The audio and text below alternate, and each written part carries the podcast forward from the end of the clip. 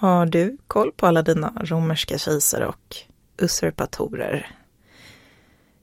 Man kan ju slita hur mycket man vill för att memorera alla som hade eller som försökte ta makten under romersk kejsartid. Till slut måste man väl ändå komma i mål? Eller? Kanske inte om det plötsligt dyker upp en ny spelare sisådär en 1700 år senare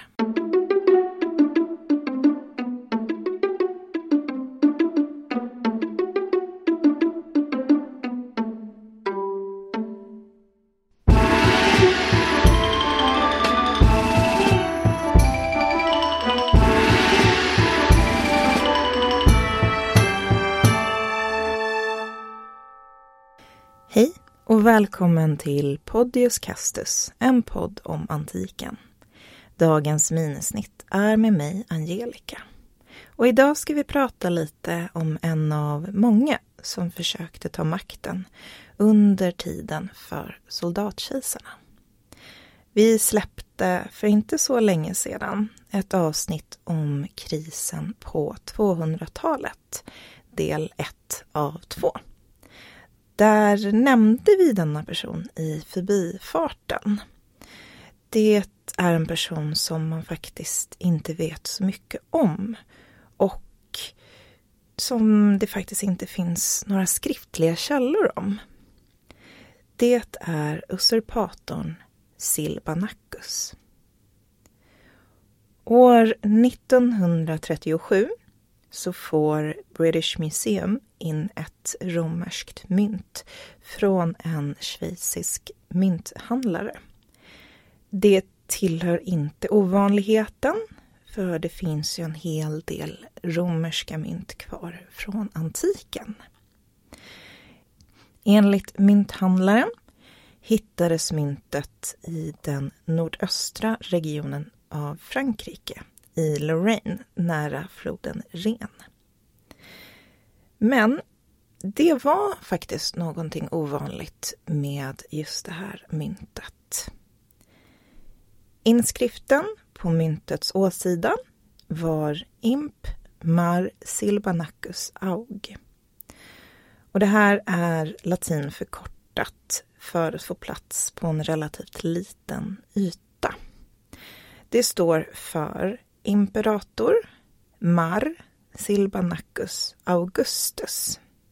Och jag ska tillägga att Mar, det är en förkortning på ett namn. Men det är oklart vad detta namn kan vara. Men inskriften är helt enkelt en referens till denna Silbanacus som kejsare. Så det de hade var alltså ett romerskt mynt med en romersk kejsare. Det enda problemet var att denna kejsare tidigare var helt okänd, både till namn och till porträtt. Porträttet visar en relativt ung man med ett litet huvud och ett eh, något längre ansikte med en något krökt näsa.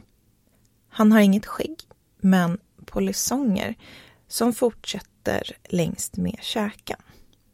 Så, här stod de med en tidigare okänd kejsare eh, eller usurpator. Det fanns inga historiska källor, ingen dokumentation och inga inskriptioner som nämnde en Silbanacus eller någon med ett namn som liknade just detta ett mysterium. Men också väldigt spännande att klura i. Och klura, det har man gjort. Just namnet Silbanacus var i sig ovanligt. Forskare har ponerat om det skulle kunna vara en felstavning. Det finns nämligen andra exempel på just detta men då skulle namnet istället kunna vara Silvanacus eller Silvaniacus. Vilket är namn som kommer från den romerska skogsguden Silvanus. Denna skogsgud kunde möjligen ha baserats på den etruskiska guden Selvans. Etruskerna de höll till i nuvarande centrala Italien, vilket då skulle kunna betyda att Silbanacus hade sina rötter just där.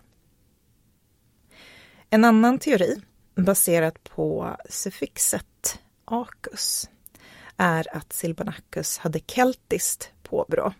Att han då var antingen från Gallien eller Britannien. Mar, det har jag redan nämnt att det är en förkortning av ett namn och att vi inte vet exakt vilket namn det är. Det skulle kunna vara Marius eller Markius. Marcus är ett alternativ, men inte troligt under den perioden som man tror att Silbanacus faktiskt levde. I vilket fall finns det inga källor som nämner en usurpator, kejsare eller militär befälhavare med namnet Marius, Marcius, Silvanacus eller Silvaniacus. På frånsidan av romerska mynt, alltså den sidan som inte har själva porträttet, finns det en hel del olika motiv att finna. Det kan vara en avbildning av en staty, eh, av en gud, ett skepp, av djur, av kejsaren i helfigur, ibland i färd med att besegra sina fiender. Det kan vara bilder av allegorier, av fångar, av monument, eh, av olika föremål eller eh, kransar. Och då har jag bara nämnt några av bilderna som man kan hitta. På frånsidan av detta mynt fanns en avbildning av en gud. Och det här var guden Merkurius.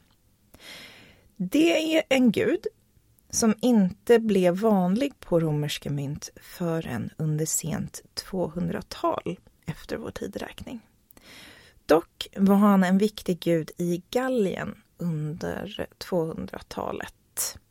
Det fanns dock inga uppenbara paralleller till andra kejsares och usurpatorers mynt från mitten av 200-talet. Inskriften på myntets frånsida är Victoria Aug. Så det som faktiskt kunde ge en liten ledtråd var typen av mynt samt var den skulle ha hittats. Typen indikerade att myntet härstammade från mitten av 200-talet mellan 238 och 260 efter vår tidräkning. Under denna tid är det ont om pålitliga källor. Vi har här gått in i krisen på 200-talet. Vi är inne på tiden för soldatkejsarna och det är en mycket turbulent tid med invasioner utifrån och inbördeskrig inifrån. Det var en tid då det var upp till den som hade möjligheten att ta makten. Med detta kom då teorin om att Silbanacus skulle ha varit en av dessa usurpatorer, specifikt baserad vid Ren. En tid som hade flertalet usurpatorer var under kejsaren som kallas för Filip Araben. Han regerade från 244 till 249. Kunde denna Silbanacus ha varit en av de usurpatorerna? Flertalet av de personer som försökte ta makten under Filips regeringstid var faktiskt snabba med att slå mynt. Så forskare föreslog detta och målade upp Silbanacus som en usurpator som hade kontroll över de romerska arméerna vid Ren under tiden för Filip Araben. En man som såg chansen att ta makten i rådande oroligheter och som slog mynt för att legitimera sig. Och ett mynt hade då hittat sin väg till British Museum ungefär 1700 år senare. Men det slutar inte riktigt där. För nya upptäckter sker varje dag. och en ny upptäckt inträffade för ungefär 40 år sedan. Men det var inte förrän 1996 som den kom till allmän kännedom efter en publikation. För någonstans i Paris, hos en privat samlare, dök det plötsligt upp ytterligare ett mynt. Frånsidan av detta mynt skiljer sig från det första. Medan det första myntet hade en bild av guden Merkurius så hade detta mynt en avbildning av guden Mars.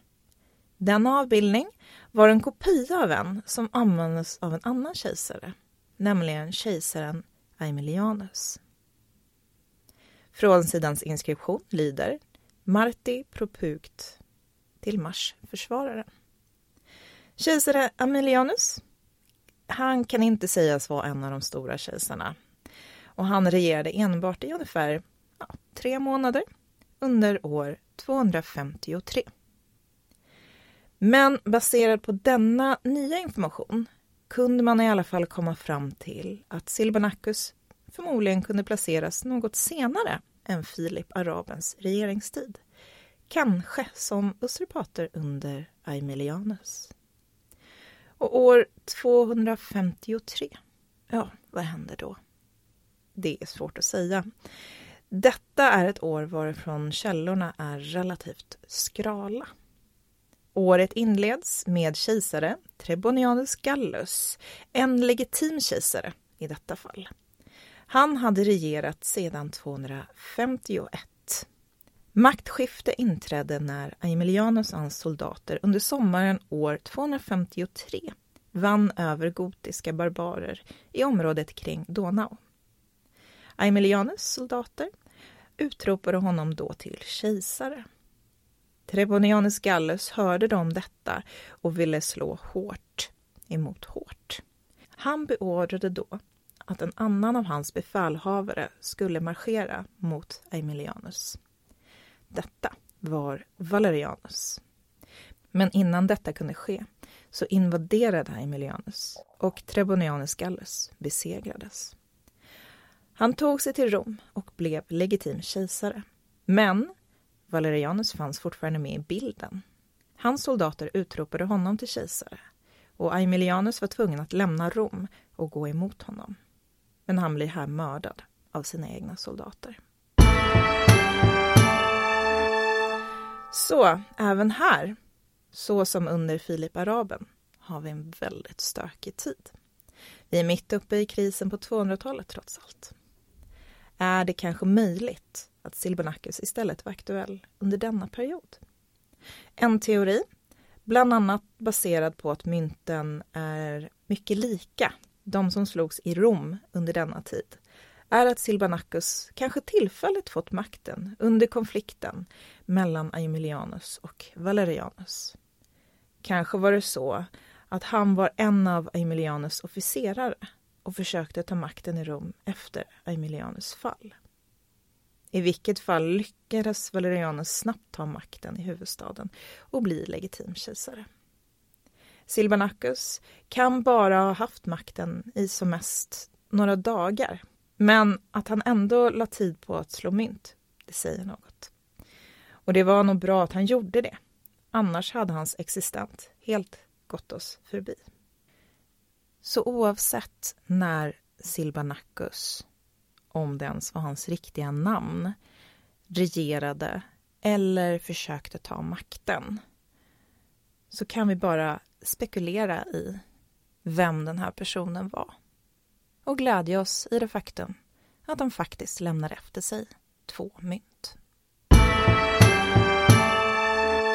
Det var allt för idag.